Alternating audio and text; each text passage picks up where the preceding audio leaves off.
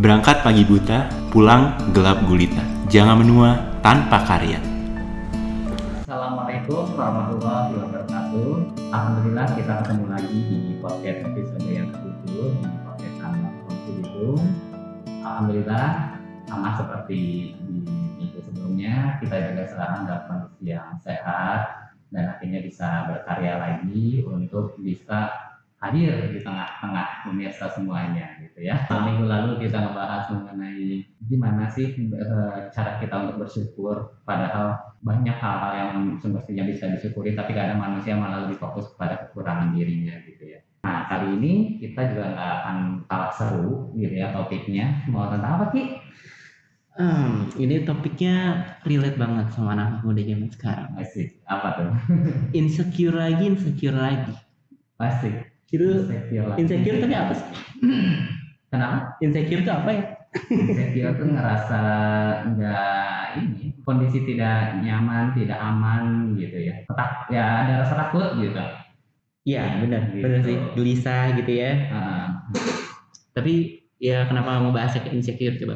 Soalnya itu kayak lanjutan dari yang sebelumnya gitu. ah, Biasanya orang-orang yang mikir, hmm, aduh kayak gue nggak bagus dalam satu hal nih, hmm, hmm. itu akan akan nimbulin satu hal lagi jadi Hmm. dia takut takut untuk berkarya terus nggak nyaman Hmm, nggak pede hmm, efeknya ya bisa jadi nggak berani tampil di depan dan hmm. bisa jadi nggak mau berkarya Asik. Iya sih? Dan banyak yang kayak gitu. saya salah satunya dulu Oh, sekarang udah nggak berarti ya. sekarang sedikit Sekarang udah secure. sekarang sedikit sedikit nggak tahu malu nggak tahu sih saya lagi Iya, iya. saya tuh eh, udah nggak insecure atau saya lagi nggak tahu malu tapi kayak way, by the way, kenapa ya orang bisa sampai ada insecure tuh karena apa? Kamu pernah nonton ini nggak? Hmm, Imperfect.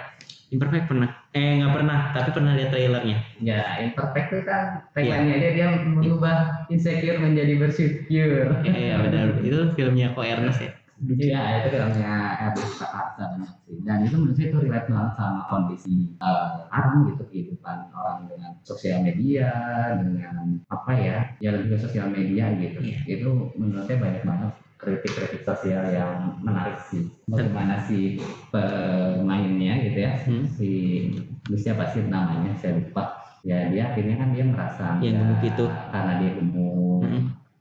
Ya agak-agak ke fisik sih iya body shaming sekali memang ya body shaming dan kemudian ujung-ujungnya sebenarnya sebenarnya dia eh, mengorbankan banyak hal gitu termasuk dia kehilangan orang-orang yang selama ini dia mensupport dia gitu dengan tulus walaupun akhirnya dia sadar lagi gitu. Hmm. itulah orang mau menghilangkan rasa insecure dalam dirinya tapi akhirnya banyak hal yang harus dia korbankan.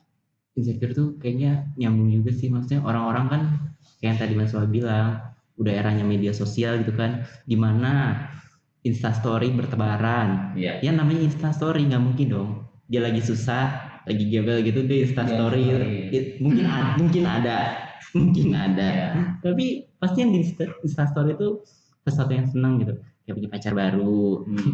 terus kayak lagi makan di kafe Iya. Pokoknya sesuatu sifatnya yang berhubungan dengan kesenangan Betul. Dan akhirnya itu di- seolah dijadiin standar, wah gila keren ya dia hidup dia. Dan akhirnya kita yang cuman gini-gini doang, ah gua mah apa? dapur apa tuh Dia menghina. ya ya ya. Iya benar-benar. Emang sih sosial media. tapi aku sebenarnya suka bingung Hmm. sebenarnya yang salah siapa sosial medianya atau si usernya Yang salah. soalnya kan maksudnya sosial media itu hanya sebuah alat. Iya dia kan tools, dia Tools. teknologi. apa yang ada di dalamnya itu kita bisa rancang loh Betul. Iya, Jadi sih. sebetulnya yang salah itu adalah pemikiran orangnya. Makanya dulu saya pernah dikasih tahu ya dalam hal sebuah mau melakukan transformasi digital gitu ya. Hmm. Itu tuh harus ada tiga hal yang bersinggungan. oh iya apa gitu ya. Yaitu proses, kemudian teknologinya, sama si people sama Hmm. orangnya. Dan yang pertama dalam transformasi digital yang harus dibentuk dulu itu adalah si orangnya gitu. Makanya ada istilah melek digital gitu ya. Nah, karena kita pengen melek, melek digital itu adalah orangnya dulu untuk tahu gitu. Karena dengan orangnya nanti udah punya ke kemampuan gitu ya kapabilitas terkait dengan digitalnya itu nanti akhirnya dia bisa memanfaatkan teknologi yang ada dan akhirnya dia itu bisa membantu proses yang ada di dirinya gitu di pekerjaannya gitu Itu berarti kalau kayak tadi siapa yang salah ya mungkin kalau saya ya orangnya aja karena kalau tulusnya mah ya nggak bisa disalahkan gitu. Orang kita memang sekarang dibombardir dengan banyak aplikasi dengan banyak teknologi ya pada dasarnya hmm, tinggal pilih-pilih aja. Kalau kitanya cermat kitanya bisa menggunakan aplikasi atau teknologi itu ya insya Allah akan punya manfaat. Iya benar. gitu sih. Tapi emang kamu, kamu ngerasa suka gitu nggak sih suka ngerasa melihat Insecure. eh, kehidupan orang begitu di khususnya di Instagram ya kemudian ah cep sedangkan gue cuma gini-gini doang Aduh, nggak pernah lah saya mah. Nggak Nggak ya? pernah sekali.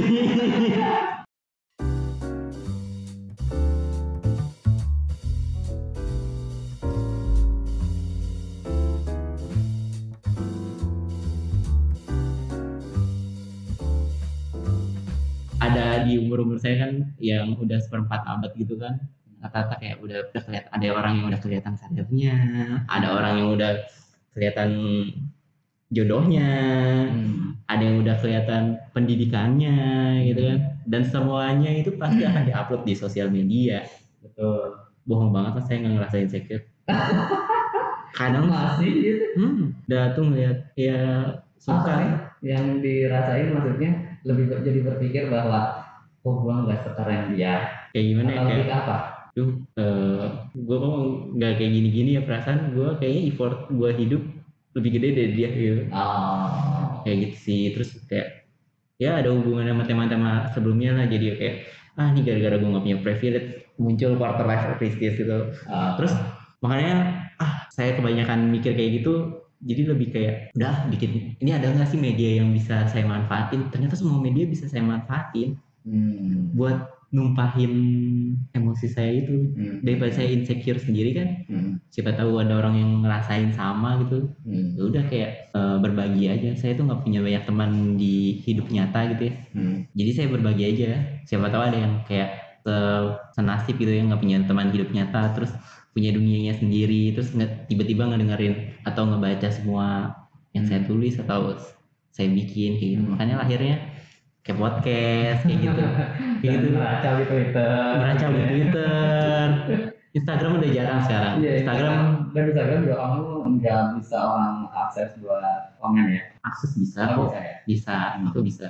Ya, Apa? di blog gitu enggak. Enggak. Emang nggak ada yang komen aja. Insta story aku nggak menarik soalnya. nggak pernah nggak pernah nongkrong di sensi kan?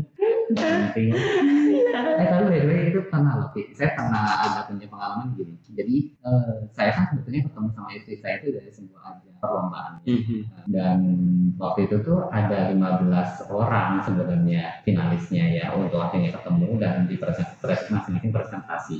Lima dari 15 orang tuh tiga kategori IPA tiga kategori IPS eh kok tiga? Lima kategori IPA lima kategori IPS dan lima kategori teknik gitu ya dan ya udahlah intinya setelah selesai dari lomba itu tuh beberapa orang-orang yang masih ada di Jabodetabek gitu Hmm. itu tuh masih punya ikatan sering ngumpul gitu Hmm. nah orang-orang ini tuh sebetulnya karena ya karena sering ngumpul dan bahkan dia jadi berteman di Facebook lah atau di Instagram sekarang Hmm. itu profilnya nggak main-main sih secara akademis hampir semuanya tuh pada S3 sekarang tuh dan Profesor? sekolahnya sekolah belum enggak Eh, loh S3 tuh? profesor itu dokter dokter. Eh dokter ya? Profesor kan sebetulnya lebih ke eh, jabatan ya. Dokter tuh bukan Jabatan S2 ya mas? profesoral. berarti S2 itu master. Oh aku salah persepsi bersama oh kamu gimana? Dari eh, S3 itu adalah Profesor. profesor. Iya. Nah, eh, profesor tuh nggak ada hubungannya dengan akademis Hmm. eh, kuliahnya ya Hmm. tapi itu adalah sesuatu yang bisa dikejar dengan kita ngumpulin poin-poin lah gitu. ah, ah, ah. gitu. Nah, jadi karena sekarang saya masih nemenin eh, ngikutin dari sosial media ini kebanyakan kalau dia jadi dosen, Hmm.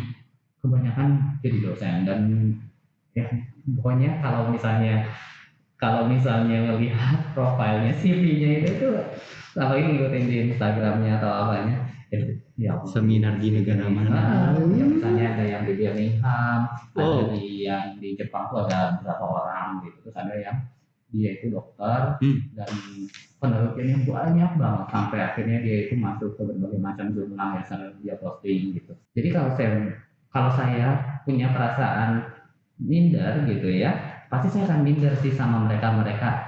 Sedangkan saya cuman yang pendidikannya nggak setinggi mereka, jauh lah gitu. Hmm. Cuman kerjanya seperti ini gitu. Hmm. Nah tapi saya bahkan ini pernah saya tulis di eh, tulisan saya tahun 2014 gitu, nggak lama setelah saya menikah. Eh, saya kan memang melihat ini mereka pada berprestasi gitu ya. Alhamdulillah sih saya dalam tulisan saya itu saya tidak merasa minder sih. Enggak sama sekali nggak merasa minder bahkan tidak menjadikan itu tuh sebagai standar orang yang saya bilang itu Sukses. eh, ya saya nggak berani juga bilang sukses ya tapi intinya saya tidak menjadikan itu sebagai standar sesuatu yang harus saya wah kan gitu Hmm. judul judul tulisan saya saat itu aja saya masih ingat gitu judulnya Apa? itu adalah kebermanfaatan diri jadi saya tuh lebih ngelihat justru saya lebih merasa salut lebih merasa terpukau lebih merasa wah sama orang yang secara ekonomi dia nggak seberapa tapi dia justru dengan yang tidak ketidak eh, makanannya dengan perekonomiannya yang sebenarnya masih eh, PR gitu ya Hmm. tapi dia bisa melakukan banyak hal gitu. Dia yang akhirnya tapi lebih ke arah sosial Hmm. ataupun eh, memperjuangkan apa-apa yang dia yakini dalam kehidupannya Hmm. gitu. Nah, saya tuh justru yang membuat saya lebih iri itu adalah pada orang yang kayak gitu. Tapi kalau orang-orang yang tadi yang saya ceritain gitu ya, yang sampai Hmm. S3 gitu itu jujur sih nggak sedikit pun saya merasa per- saya harus saya harus bisa Seperti itu. atau melebihi itu enggak enggak sama sekali yang saya sering itu adalah ini gimana ya orang-orang yang dia punya dengan keterbatasan yang dia miliki tapi dia bisa begitu berjuang dengan sepenuh hati Itu insecure yang bagus ya. Maksudnya, it- tapi itu buat ins Mas Soha insecure gak? disebut insecure-nya lebih karena ini sih Malu ini bukan atau gimana? bukan bukan malu ini mungkin agak lebay ya kalau Hmm. insecure-nya saya tuh Hmm. kalau saya tuh banyak insecure tuh lebih ke percaya enggak Enggak, karena nggak enak juga sih nyebutinnya. Jadi Iya. yang selalu bikin saya insecure itu saya nanti bisa ngejawab apa dengan Hmm. uang ataupun eh, apa harta yang saya punya, saya nanti bisa mempertanggungjawabkannya enggak. Dengan saya akhirnya ada di sini gitu ya, saya punya eh, pekerjaan saya. Nanti pekerjaan saya ini tuh bisa meninggalkan legacy apa, Hmm. bisa udah sampai berdampak seperti apa. Makanya tadi saya sebut sebagai keberma- kebermanfaatan diri. Nah, sejauh mana kebermanfaatan diri saya untuk lingkungan sekitar saya nah itu yang sering bikin saya insecure karena saya khawatir suatu saat saya ditanya gitu yang Hmm. bisa dengan keberadaan kamu tuh khawatir eh, orang-orang di sekitar kamu tidak membuat tidak berubah menjadi orang yang eh, lebih baik misalnya atau Hmm. kayak gimana walaupun kan belum tentu juga sebagai tanggung jawab saya kan tapi kadang saya suka berpikir kayak gitu gitu makanya saya sebenarnya enggak enggak lah kalau kayak pendidikan tinggi gitu-gitu harus saya ini atau ada yang punya rumah atau apa itu suatu hal yang Beasiswa luar negeri. iya biasa banget Itu menarik banget gitu. enggak sama sekali bikin cuma kalau saya pribadi sih value-nya seperti itu gitu jadi kalaupun insecure hanya hal-hal yang karena kita lihat selama ini di sosial media menurut saya sih nggak ada habisnya Ya. suatu saat kita akhirnya dapat itu melihat lagi ada orang yang lebih wow lagi insecure lagi insecure lagi jadi nggak ada habisnya tapi Iya. kalau misalnya kita insecure-nya lebih karena ngerasa ini nanti saya bisa menjawab apa nah saya sih akhirnya jadi termotivasi kan oh berarti bagaimana nih Allah ketika memberikan rezeki kepada saya bagaimana saya bisa mempertanggungjawabkan ini gitu. Nah yang gitu-gitu yang bikin saya insecure tuh nanti jawabnya gimana ya gitu. Karena kadang ngebayangin juga kalau ditanya dalam hal audit aja ya di kerjaan misalnya ada audit itu aja udah kadang suka nyiapin gitu. Nah masa sih suatu saat kita percaya kan ada audit yang benar-benar tidak akan bisa Ada lepas cacatnya. dari "Hah, nggak ada cacat semua eh, rapor kita rapor kita diperlihatkan gitu mau mau berkutik seperti apa juga nggak bisa gitu ya jadi ya hanya kadang suka berdoa lebih semoga bisa gitu melewati itu Dan auditnya nanti tuh bukan sampling ya mas. bukan Kalau kalau sampling, oh. iya kan? Sampling ma- apa? Ini inspeksi massal. Ya. Bener kan? semuanya dan kalau audit di dunia kan ya kayak kita masih jawab dengan data datanya juga masih kerjaan manusia terus menjawab ngomongnya pakai mulut kalau itu benar-benar tindak tanduk dan perbuatan kita yang ngejawab bener gak sih Mas? itu? Gitu iya sih. Tapi ini eh terlepas dari itu semua bukan berarti kita nggak nyaranin untuk kayak eh, mencari pendidikan tinggi gitu-gitu ya mas. Tapi kita lebih kita lebih maksudnya ngerinya nanti ada yang mengkat sedikit. Ini yang namanya sosial jadi harus Oh, kita iya, terus klarifikasi. akhirnya- Terus akhirnya dikatain bahwa eh, saya tidak mendukung.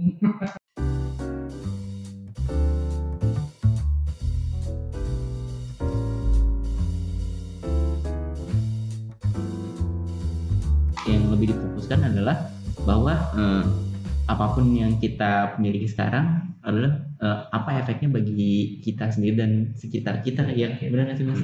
Kalau saya lebih ke arah sana sih, yang ke jujur aja yang saya sering alami insecure itu lebih ke arah sana. Tapi kalau kayak hal-hal yang lain yang tadi saya sampaikan, misalnya saya belum sekolah, ngelihat ini dia bisa keluar negeri, bisa itu, promosi ini, itu, pekerjaannya begini dan sebagainya. Alhamdulillah sih, saya justru lebih sering banyak bersyukur. Nah, karena saya suka lebih begini sih, banyak orang juga yang kemungkinan ingin dalam posisi seperti kehidupan saya saat ini, sehingga uh, ketika saya justru berada di sini maka saya mau sia-siain gitu. Tapi juga sebetulnya nggak pengen apa-apa yang dalam diri kita tuh ditunjukkan. Nah sosial media itu masalahnya Hmm. malah menunjukkan. Itu sih yang kadang suka apa ya orang bilang ria gitu. Pas balik lagi belum tentu orang itu sebetulnya mau ria cuman akhirnya jadi perlu uh, saya jadi perlu melihat dan perlu bijak sih makanya tadi perlu bijak bersosial media apakah sebenarnya mana-mana yang sebenarnya perlu kita posting mana yang sebetulnya itu cukup untuk menjadi uh, pengingat diri sendiri. Ini andaikan semua orang bermedia sosial dengan mindset seperti ini, bisa jadi artis selebgram nggak ada mas. nggak lah. Iya. Maksudnya selebgram bukannya skeptis atau apa, tapi emang kayak lebih banyak orang follow selebgram tuh Hmm. alasannya adalah eh, keglamoran kehidupan yang seru, asik. Iya, iya, iya. Karena emang eh, tidak dipungkiri juga bagi anak-anak seumuran saya eh, sesuatu yang mengasihkan itu emang seru untuk Iya, diikuti. iya, iya. Wa- Walaupun terlepas mungkin semuanya juga semuanya tahu, saya yakin semua tahu bahwa kelak kita tuh akan menghadapi hari penghakiman Hmm. Yang mana harusnya itu yang kita insecure kayak masukan sadar atau enggak sedikit yang sadar masalah itu sih makanya eh, perasaan itu insecure itu banyak Hmm. apalagi ditunjang di Indonesia nih mas Hmm. di Indonesia tahulah wah, eh, kebanyakan Iya. orang itu lebih suka kepo dibanding berempati Lebih suka kepo. Iya. Nah ini kayak kayak pengalaman-pengalaman yang udah masuk ke Twitter saya.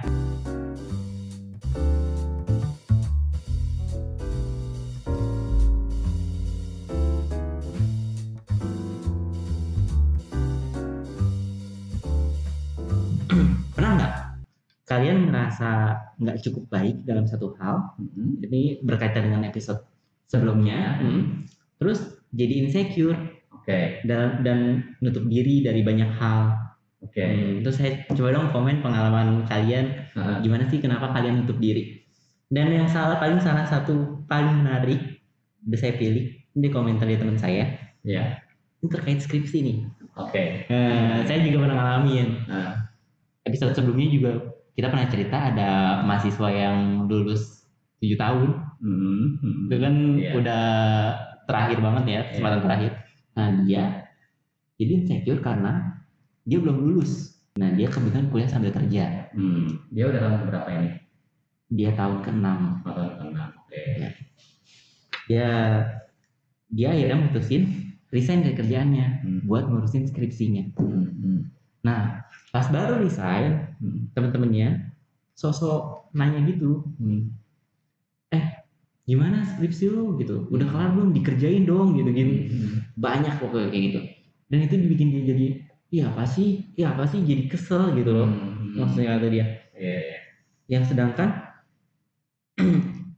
eh, dia aja tuh baru mulai ngerjain skripsi karena memang sebelumnya tuh kerja dan Dan memang nggak punya waktu. waktu karena Hmm.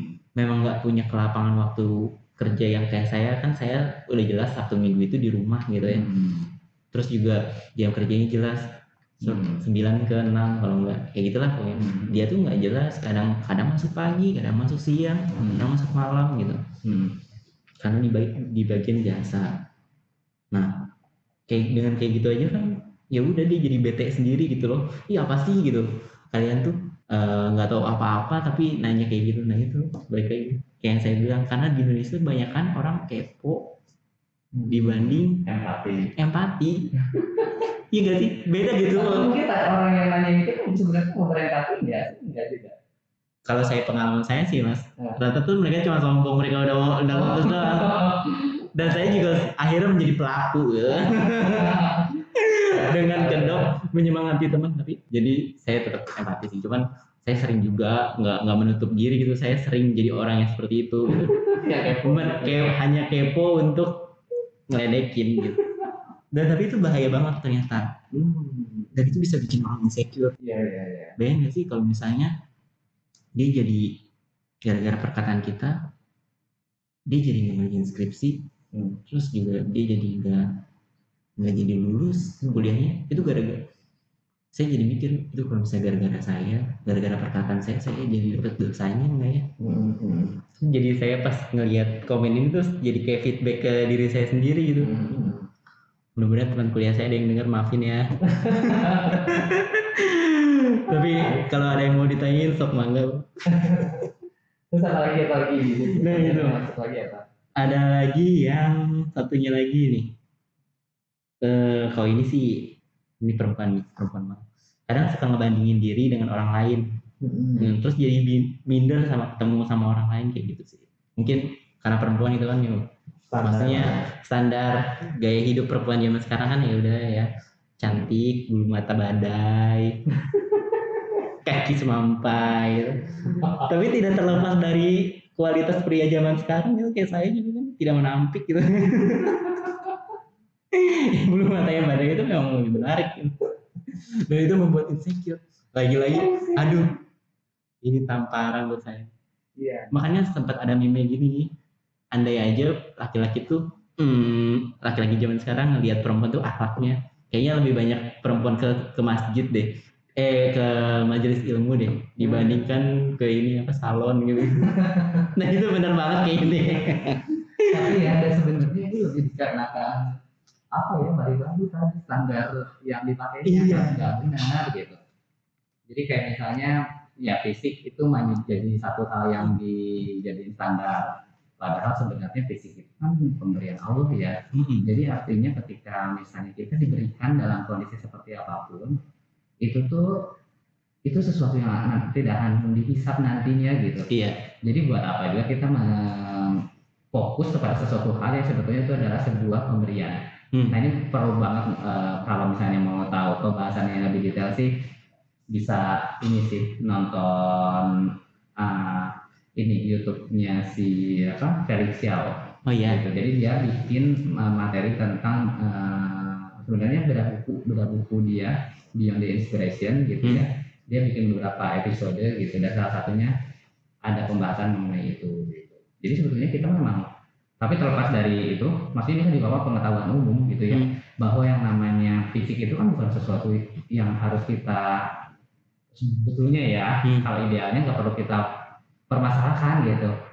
Cuma sayangnya adalah kultur yang ada menjadikan fisik itu sebagai sesuatu yang membuat seseorang itu dikatakan lebih mulia gitu, lebih keren dan lain sebagainya oke gitu. Heeh, sehingga akhirnya orang-orang yang tidak pada kriteria yang kayak gitu akhirnya tadi muncul insecure. Hmm. Akhirnya yang laku apa? Skincare. Iya.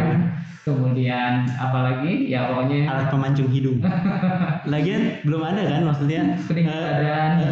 i- itu saya sempat mau beli Sering iklan kan iklan. itu itu banyak banget di Instagram saya tuh dulu waktu saya saya cuma ketik sekali gitu waktu baru-baru kerja kan baru-baru Hmm. nyewa ah, saya pengen beli peninggi badan aja. Tapi yang paling gak make sense tuh adalah orang yang jual alat pemancung hidung karena even di dunia pun nggak ada gitu eh, syarat untuk masuk eh, di suatu lembaga atau instansi misalnya pemerintahan gitu. Hidung anda tuh harus mancung sekian sentimeter